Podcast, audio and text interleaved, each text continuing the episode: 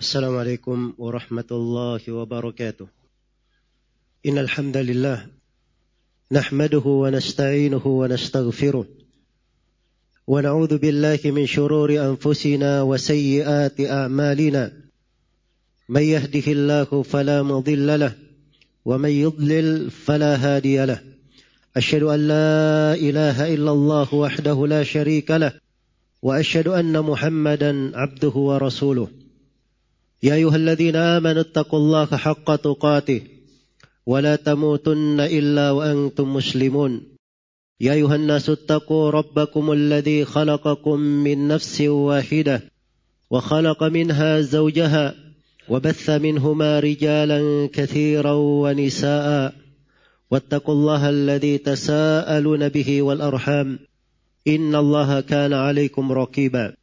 يا أيها الذين آمنوا اتقوا الله وقولوا قولا سديدا يصلح لكم أعمالكم ويغفر لكم ذنوبكم ومن يطع الله ورسوله فقد فاز فوزا عظيما أما بعد.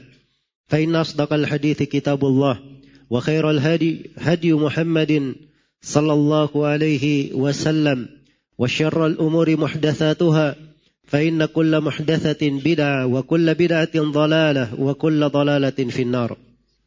Ma'asyiral muslimin, jemaah Jumat rahimani wa rahimakumullah. Diriwayatkan oleh Al-Imam Al-Bukhari dan Imam Muslim dari sahabat Abu Sa'id Sa'ad bin Malik bin Sinan Al-Khudri radhiyallahu anhu. Beliau bertutur, "Anna nasan min al-ansari sa'alu Rasulullah sallallahu alaihi wasallam fa'atahum. Thumma sa'aluhu fa'atahum hatta nafadha ما عنده فقال إنه لم يكن من خير عندي فلن أدخره عنكم ولكن من يستعفف يعفه الله ومن يستغني يغنه الله ومن يتصبر يصبره الله وما أعطي أحد أطاء خيرا وأوسع من الصبر. Abu Sa'id berkata, sekelompok dari sahabat kaum Al-Ansar radhiyallahu anhum meminta kepada Nabi sallallahu alaihi wasallam. Maka Nabi sallallahu alaihi wasallam memberi mereka. Kemudian mereka meminta lagi. Kemudian Nabi memberi mereka hingga habis seluruh yang berada di sisi Rasulullah sallallahu alaihi wasallam. Kemudian Rasulullah sallallahu alaihi wasallam bersabda, sesungguhnya tidak ada harta apa pun yang berada di sisiku pasti tidak akan saya simpan dari kalian.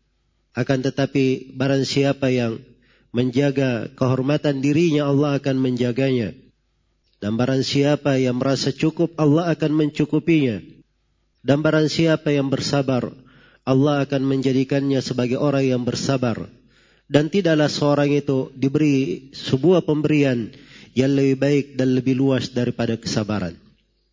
Hadith yang mulia ini Terdapat di dalamnya pelajaran-pelajaran yang berharga. Kaidah-kaidah besar yang diperlukan oleh seorang hamba di dalam kehidupannya. Pijakan-pijakan yang membuat tegaknya sebuah kehidupan.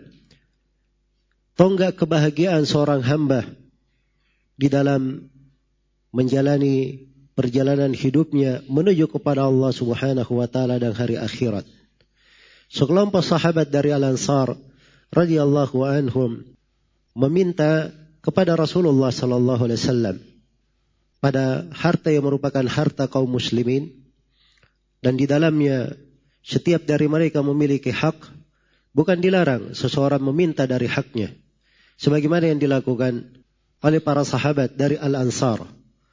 Dan apa yang disebut dari hadis ini adalah sebuah potret dari sisi kehidupan yang berjalan di tengah para sahabat Rasulullah sallallahu alaihi wasallam. Mereka meminta, Nabi memberi, mereka meminta lagi, kemudian Nabi memberi.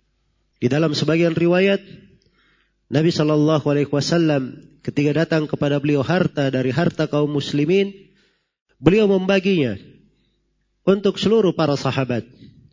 Dan beliau dahulukan kaum muhajirin dan orang-orang yang baru masuk Islam. Orang-orang Ansar tidak diberi oleh Nabi Shallallahu Alaihi Wasallam. Maka pada saat itu mereka datang kepada Nabi Shallallahu Alaihi Wasallam.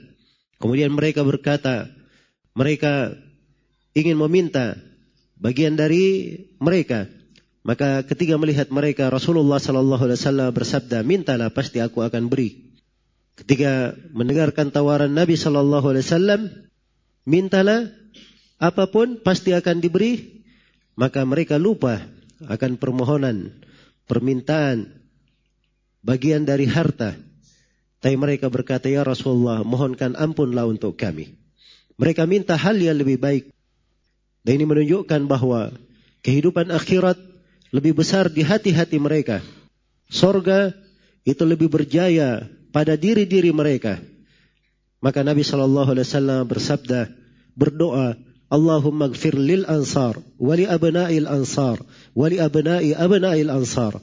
Ya Allah ampunilah kaum Al-Ansar. Dan ampunilah anak-anak kaum Al-Ansar. Dan ampunilah anak-anak anak-anaknya kaum Al-Ansar. Didoakan oleh Nabi tiga generasi. Dan ini dari keutamaan para sahabat dari Al-Ansar radhiyallahu anhum. Namun di hadis ini mereka datang kepada Nabi meminta dari bagian mereka. Maka Nabi memberikan. Nabi memberikan. Demikianlah seorang pimpinan negara harta yang berada di sisinya bukan milik pribadinya. Tapi itu adalah amanah terkait dengan umat, terkait dengan manusia. Hendaknya dia keluarkan sesuai dengan kewajibannya, tidak dia simpan. Dan Rasulullah sallallahu alaihi wasallam apabila datang kepada beliau harta dari harta kaum muslimin, segera beliau bagikan. Dan beliau gelisah apabila ada dari harta kaum muslimin yang tersimpan di sisi beliau dan semestinya dibagikan, ditempatkan pada tempatnya. Sehingga di dalam sebuah riwayat, selepas beliau sholat, beliau langsung berdiri, masuk ke rumahnya, tergesa-gesa. Seakan-akan ada yang beliau kejar, maka beliau keluar dengan membawa beberapa potongan dari emas. Kemudian beliau berkata, ini adalah harta-harta yang tidak boleh berada di sisiku. Kemudian beliau pun membagikannya. Maka demikianlah keadaan Rasulullah sallallahu alaihi wasallam. Kemudian para sahabat dari Al-Ansar kembali meminta. Maka Nabi memberi hatta nafida ma'indahu sampai habis seluruh yang berada di sisi beliau. Kadang di dalam sebuah pengaturan terhadap negeri, pimpinan negara mengeluarkan seluruh dari harta yang berada di sisinya. Tidak ada yang tersisa. Tidak ada yang tersisa. Dan ini menunjukkan bahwa asas tegaknya kehidupan Rasulullah sallallahu alaihi wasallam dan para sahabat dan khilafah Islamiyah adalah dengan tawakal kepada Allah Subhanahu wa taala. Dan itulah yang menegakkan sebuah umat, menjayakan sebuah umat.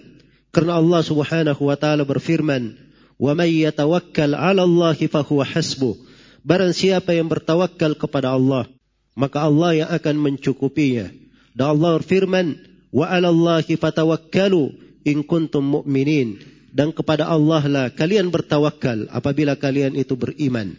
Diriwayatkan oleh Imam Ahmad dari Umar ibn al-Khattab radhiyallahu anhu, Rasulullah sallallahu alaihi wasallam bersabda, "Lau annakum tatawakkaluna 'ala Allahi haqqa tawakkuli, la razaqakum kama turzaqut tayr." tagdu khimasa wa taruhu bitana. Andai kata kalian itu bertawakal kepada Allah dengan sebenar-benar tawakal, maka Allah akan memberi rezeki kepada kalian seperti burung diberi rezeki. Dia pergi di waktu pagi dalam keadaan perutnya kosong, di sore harinya kembali dalam keadaan sudah penuh, sudah kenyang. Itulah rezeki yang Allah berikan kepada burung. Dia tidak ada perbendaharaan harta. Tidak ada gudang makanannya. Tidak ada lumbung padinya. Apalagi rekening di bank atau simpanan. Dia tidak memiliki apa pun. Tetapi Allah memberikan rezekinya setiap hari ada. Maka siapa yang bertawakal kepada Allah subhanahu wa ta'ala. Dengan sebenar-benar tawakal.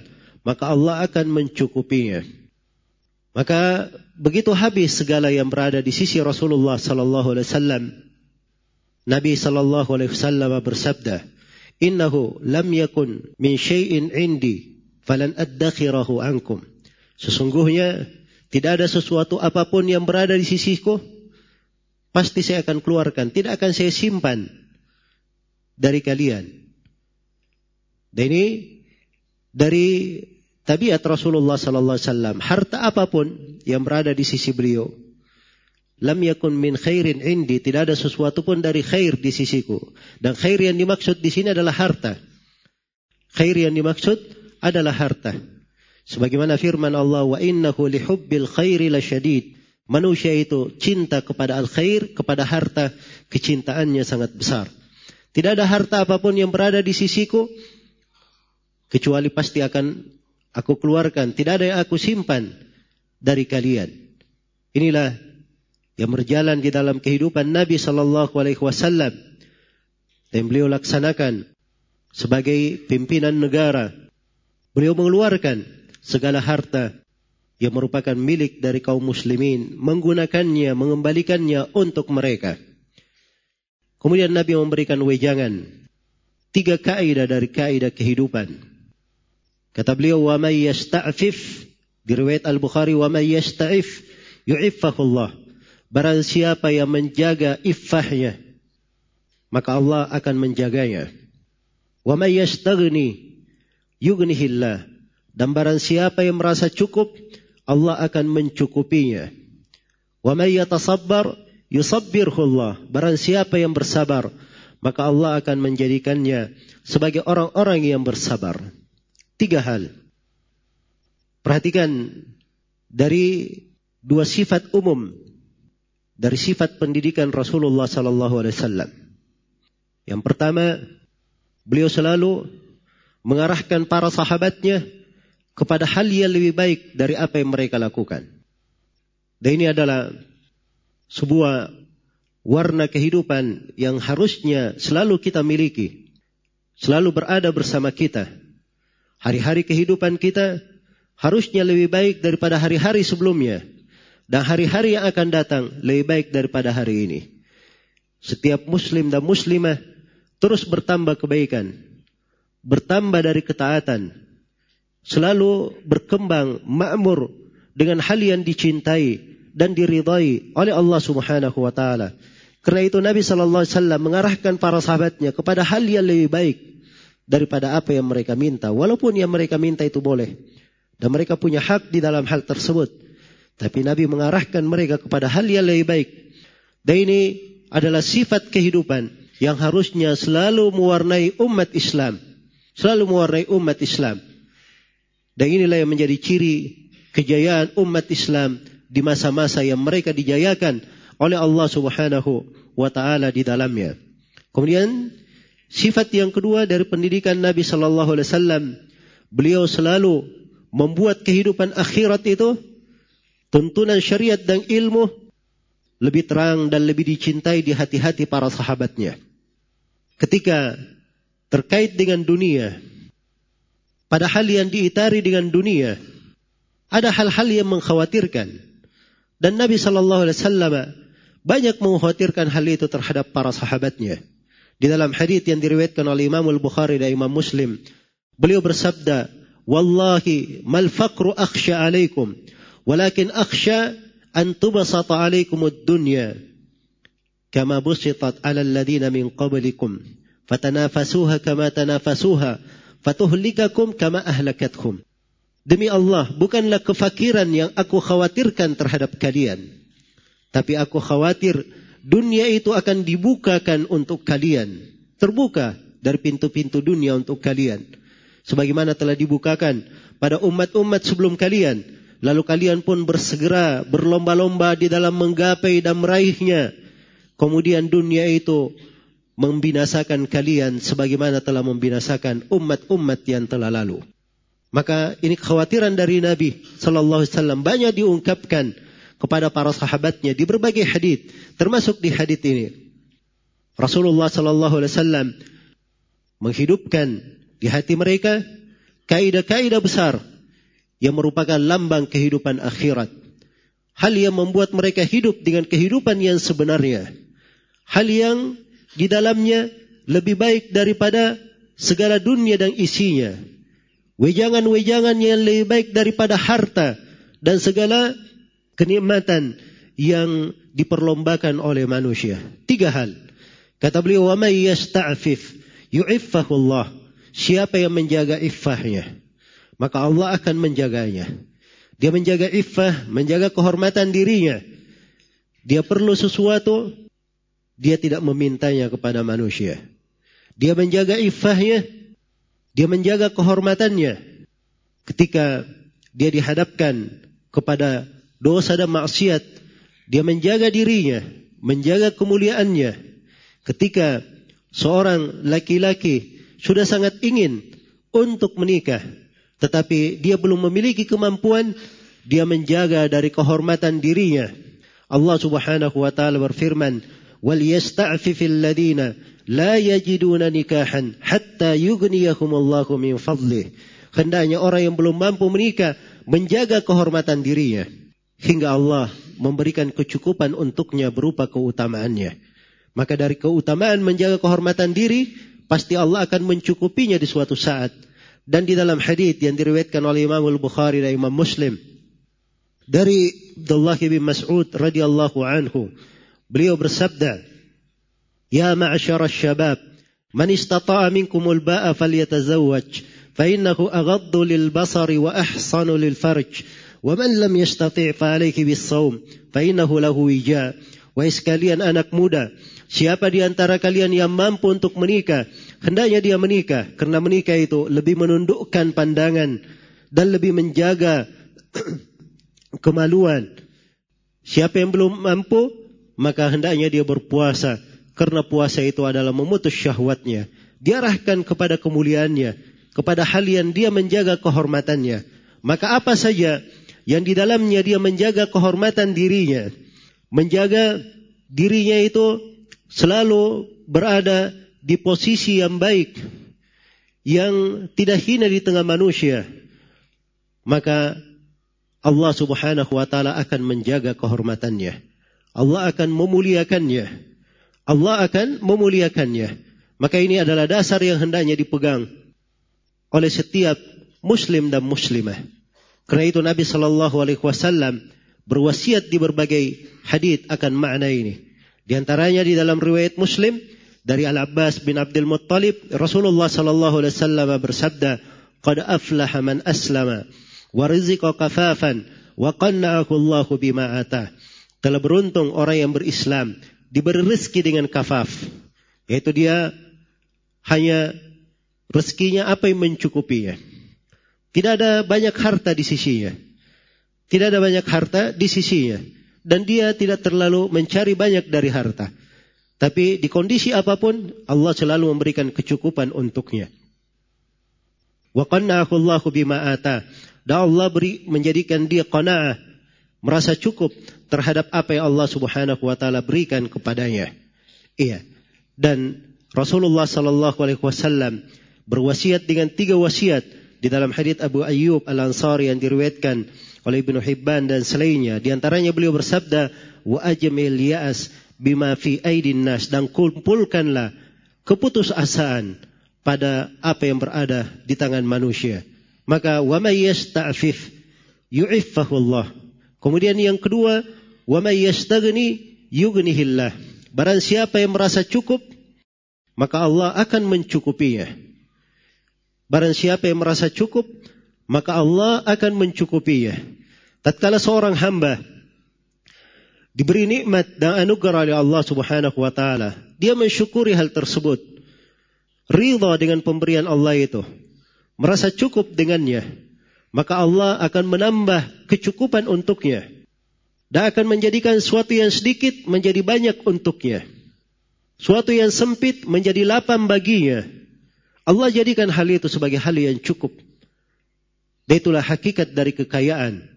Dan itu kekayaan yang sebenarnya. Karena itu di dalam hadits Abu Hurairah yang diriwayatkan oleh Imam Al-Bukhari dan Imam Muslim. Rasulullah sallallahu alaihi wasallam bersabda, "Laisal gina an kathratil arad, innamal gina gina nas." Bukanlah kekayaan itu, bukanlah rasa cukup itu dengan banyaknya harta benda, tapi rasa cukup itu adalah kekayaan di dalam hati. Kecukupan di dalam hati. Seorang hamba ketika di hatinya penuh dengan kecukupan. Dia bersyukur terhadap anugerah dan pemberian Allah. Dia merasa lapang dengannya, maka Allah akan melapangkannya, memudahkan urusannya. Di dalam hadis Zaid bin Thabit yang diriwayatkan oleh Imam Ahmad, Rasulullah sallallahu alaihi wasallam bersabda, "Man kanatid dunya hamma, syamlah, wa ja'ala al-faqra baina aynayhi, wa la ta'tihi minad dunya illa ma kutiba lah." Barang siapa yang kehidupan dunia itu adalah tujuannya, semangatnya, cita-citanya, maka Allah akan cerai-beraikan upayanya dan akan dijadikan kefakiran antara kedua matanya dan tidak akan datang kepadanya dari kehidupan dunia kecuali apa yang sudah digariskan baginya. Tapi sebaliknya wa man kanatil akhiratu hamma jama'a Allahu syamla wa ja'ala al-ghina fi qalbi wa ta'tihi dunya wa hiya. Barang siapa yang kehidupan akhirat itu di dalam hatinya, maka Allah akan kumpulkan usahanya. Dia berusaha sedikit diberkahi oleh Allah Subhanahu wa taala, dimudahkan, dilancarkan dan akan diberikan kecukupan di dalam hatinya dan dunia akan datang kepadanya dalam keadaan dunia itu diseret dunia tidak maupun dia akan didatangkan oleh Allah Subhanahu wa taala kepada hamba tersebut. Karena itu, apabila seorang hamba dia selalu berada di atas jalan Allah, dia menjaga dari sifat-sifat yang dianjurkan kepadanya dari ridha terhadap pemberian Allah, merasa cukup terhadap karunia Allah, qanaah terhadap rezeki yang Allah Subhanahu wa taala berikan, maka Allah Subhanahu wa taala akan memudahkan dari dunia tersebut kepadanya. Karena seorang mukmin tidak dikhawatirkan padanya kekurangan di dalam dunia. Bahkan dunia itu adalah fitnah, harta itu adalah fitnah dan fitnah umat ini pada harta. Rasulullah sallallahu alaihi wasallam bersabda, "Likulli ummatin fitnah." Wa fitnatu ummati al-mal. Setiap umat ada fitnahnya. Dan fitnah yang menimpa umatku ini adalah harta.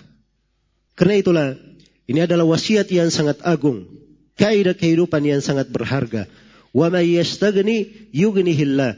Barang siapa yang merasa cukup, maka Allah akan mencukupinya. Kemudian yang terakhir, wa may yatasabbar yusabbirhullah. Barang siapa yang bersabar, maka Allah akan menjadikannya sebagai orang yang bersabar. Ya tasabar, dia berusaha menjadikan dirinya sebagai orang yang bersabar. Dia buat jiwanya tenang di atas ketaatan pada apa yang Allah cintai. Dia latih dirinya dalam hal tersebut. Di langkah awalnya dia berat, Allah akan memudahkan jalannya. Yusabbirhullah. Allah akan menjadikannya sebagai orang yang bersabar. Karena kesabaran ini adalah hal yang paling besar ya.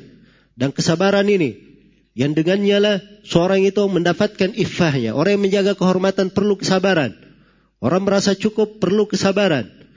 Maka Nabi Shallallahu Alaihi Wasallam menjelaskan suatu nilai tambahan terkait dengan kesabaran ini. Beliau bersabda, "Wa ma u'tiya ahadun ata'an khairan wa awsa min sabr Tidaklah seorang itu diberi sebuah pemberian yang lebih baik dan lebih luas daripada kesabaran. Karena itulah, siapa yang diberi kesabaran, maka itu adalah cahaya yang sangat terang untuknya. Tidak ada kegelapan pun yang tersisa di balik cahaya tersebut. Karena itu Rasulullah bersabda dalam hadis riwayat Muslim, "Wasabru dia kesabaran itu adalah cahaya yang sangat terang dan dia itu dipakai untuk cahaya matahari yang sangat terang. Itulah kesabaran. Dan kesabaran ini adalah hal yang membawa kebaikan untuk seorang hamba. Segala kebaikan akan dia dapatkan dengan kesabaran tersebut.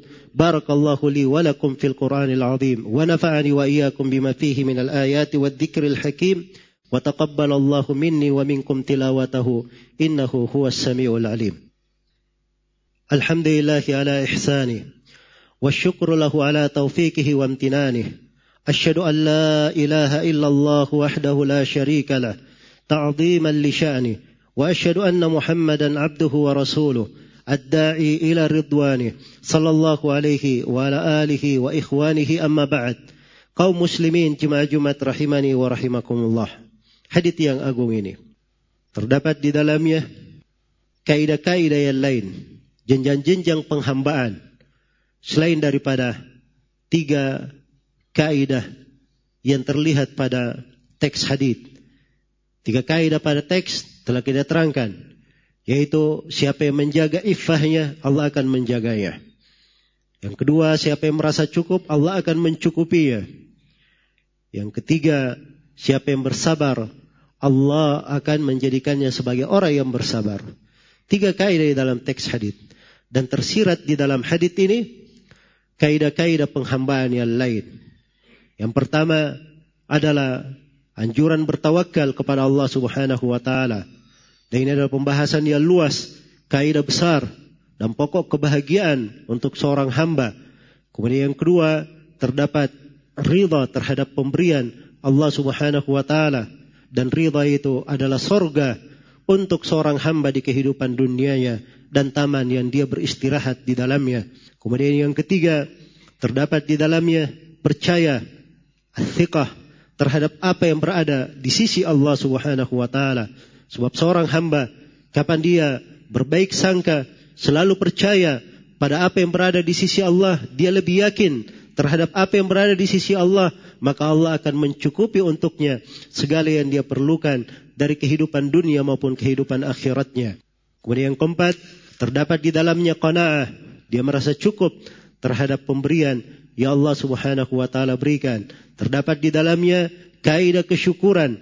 Seorang hamba mensyukuri apa-apa dari nikmat dan pemberian Allah Subhanahu wa taala dan terdapat di dalamnya al-mahabbah kecintaan kepada Allah Subhanahu wa taala dan terdapat di dalamnya roja mengharap apa yang berada di sisi Allah Subhanahu wa taala dan terdapat di dalam hal tersebut jenjang-jenjang ibadah yang lainnya di antara yang terpentingnya seorang hamba itu selalu berjalan berlari menuju kepada Allah Subhanahu wa taala. Sebagaimana firman Allah fafirru ila Allah berlarilah kalian semua menuju kepada Allah Subhanahu wa taala.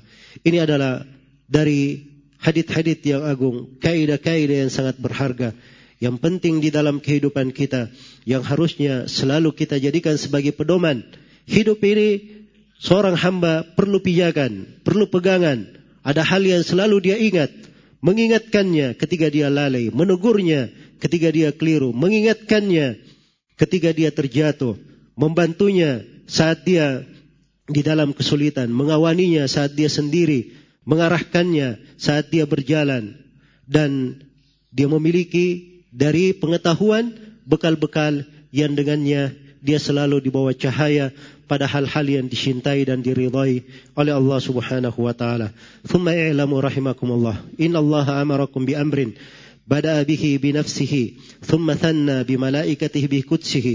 Faqala jalla min qail إن الله وملائكته يصلون على النبي. يا أيها الذين آمنوا صلوا عليه وسلموا تسليما.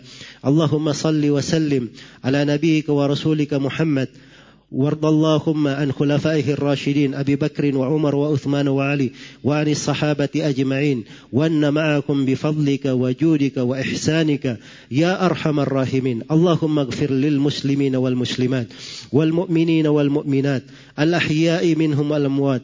إنك سميع قريب مجيب الدعوات يا قاضي الحاجات. اللهم إنا نسألك من خشيتك ما تحول بيننا وبين معاصيك ومن طاعتك ما تبلغنا به جنتك. رحمتك ومن اليقين ما تهون به علينا مصائب الدنيا. ومتعنا اللهم بأسمائنا وقواتنا وأبصارنا ما أحييتنا. واجعله الوارث منا. واجعل ثأرنا على من ظلمنا. وانصرنا على من آدانا. ولا تجعل مصيبتنا في ديننا. ولا تجعل الدنيا أكبر همنا ولا مبلغ علمنا ولا تسلط علينا من لا يخافك فينا ولا يرحمنا. برحمتك يا أرحم الراحمين. يا ذا الجلال والإكرام. اللهم أعز الإسلام والمسلمين ودمر أعدائك أعداء الدين من الكفرة ومن شايعهم من المرتدين والمنافقين. اللهم أرنا الحق حقا وارزقنا اتباعه وأرنا الباطل باطلا وارزقنا اجتنابه. ربنا ظلمنا أنفسنا وإن لم تغفر لنا وترحمنا لنكونن من الخاسرين. ربنا اغفر لنا ولإخواننا الذين سبقونا بالإيمان. ولا تجعل في قلوبنا غلا للذين آمنوا. ربنا إنك رؤوف رحيم. ربنا آتنا في الدنيا حسنة وفي الآخرة حسنة وقنا عذاب النار. عباد الله إن الله يأمر بالعدل والإحسان وإيتاء ذي القربى وينهى عن الفحشاء والمنكر والبغي يعظكم لعلكم تذكرون. فاذكروا الله العظيم الجليل يذكركم واشكروه على نعمه يزيدكم ولذكر الله أكبر والله يعلم ما تصنعون.